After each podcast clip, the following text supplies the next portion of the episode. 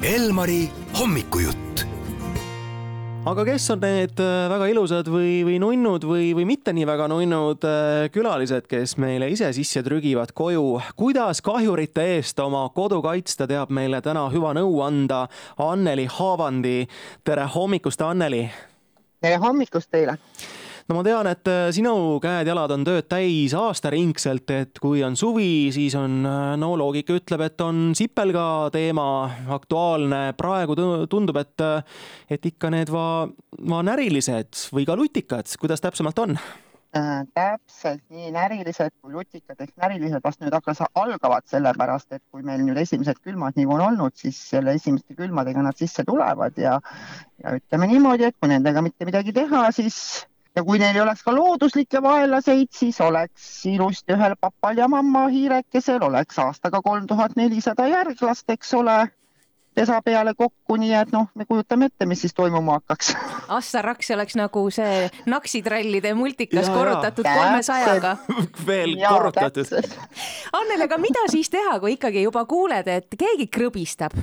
No tegelikult kodus? peaks, äh, peaks juba ütleme sellised äh, majad, mis eramajades kindlasti juba augustis panema närilistele söödad välja ümber maja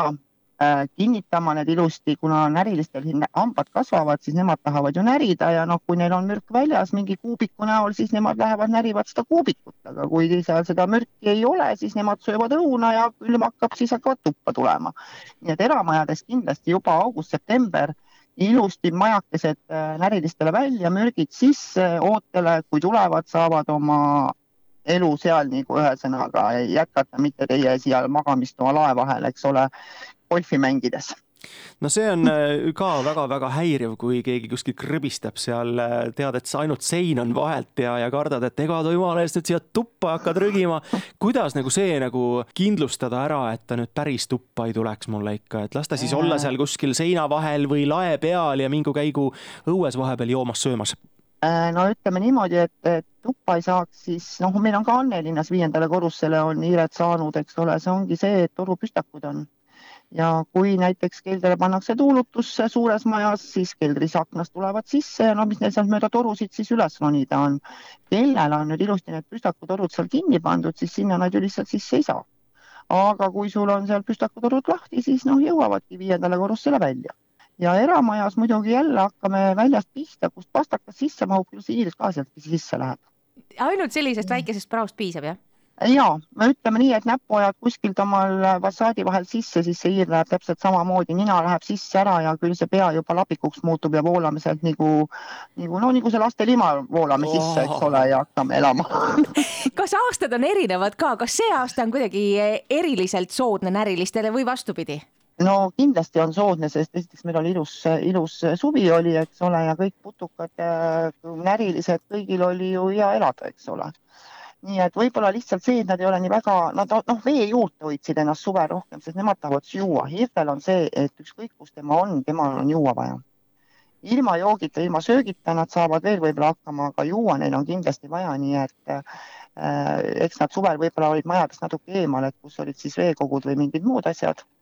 aga nüüd sügise poole kindlasti on meil vett igal pool ja tulevad nad selles maja sooja peale, sest noh, mina olen ikka oma elus näinud seda, et kui esimesed põllupealsed majad tulid, mul on üks maja maha müüdud, sest naine kartis hiirt ja kui esimene lumi maha tuli, siis ümber maja oli noh, ütleme tõesti niimoodi, et meeletult hiirejälgi ja nad kõik olid ju ennast sinna kuskile tuulekasti sisse sahkerdanud ja öösel käis selline trall ja, ja siis jah, see meesterahvas ütles, et esimese maja noh, ehitame vaenlasele, et selle müüme nüüd maha.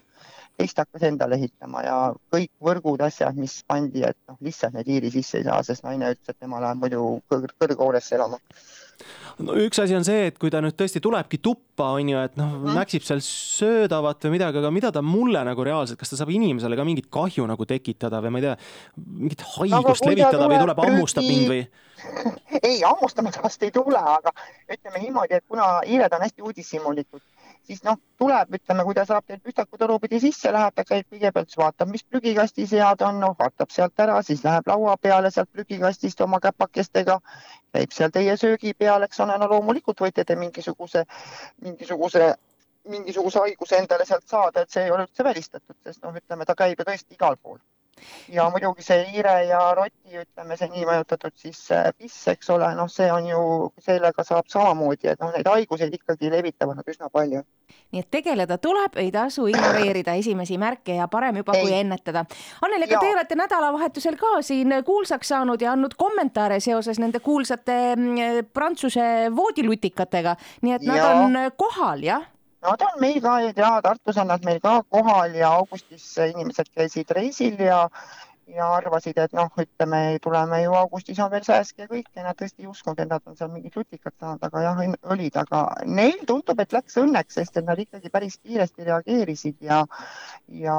ja noh, ütleme, kui inimene ikka ise ka enda, enda poolt midagi teeb, et nad tõesti viskasid kohe selle voodi välja, madratsi välja,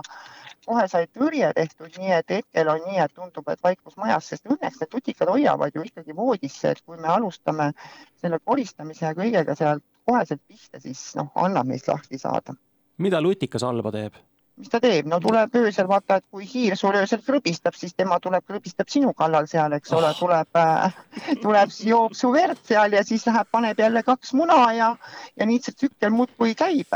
Ja lõpuks on noh, ütleme kuu ajaga on see voodi ikkagi neid lutikaid täis ju nii et see ei olnud üldse kas-küsimus, et kas nad äh, lutikad, kellest palju kirjutatakse ja räägitakse ja kes juba olümpiamängu ohustavad, siia jõuavad, vaid et millal nad jõuavad? Vot täpselt, eks ei, no nad on meil kogu aeg olemas olnud, ega need, meil on nad samamoodi kogu aeg olemas olnud ja siin ei ole vahet, et noh, öeldakse, et võib-olla tead, et mustad inimesed või sellised, ei, mul on siin isegi maja ostetud, kaks maja on ostetud koos lutikatega, nii et noh, kõike on juhtunud väga-väga meeldiv oli sinuga juttu rääkida üldse mitte nii meeldival teemal, igal juhul Anneli Avandi, aitäh nii Palun. häid nõuandeid jagamast. ja, kõike head teile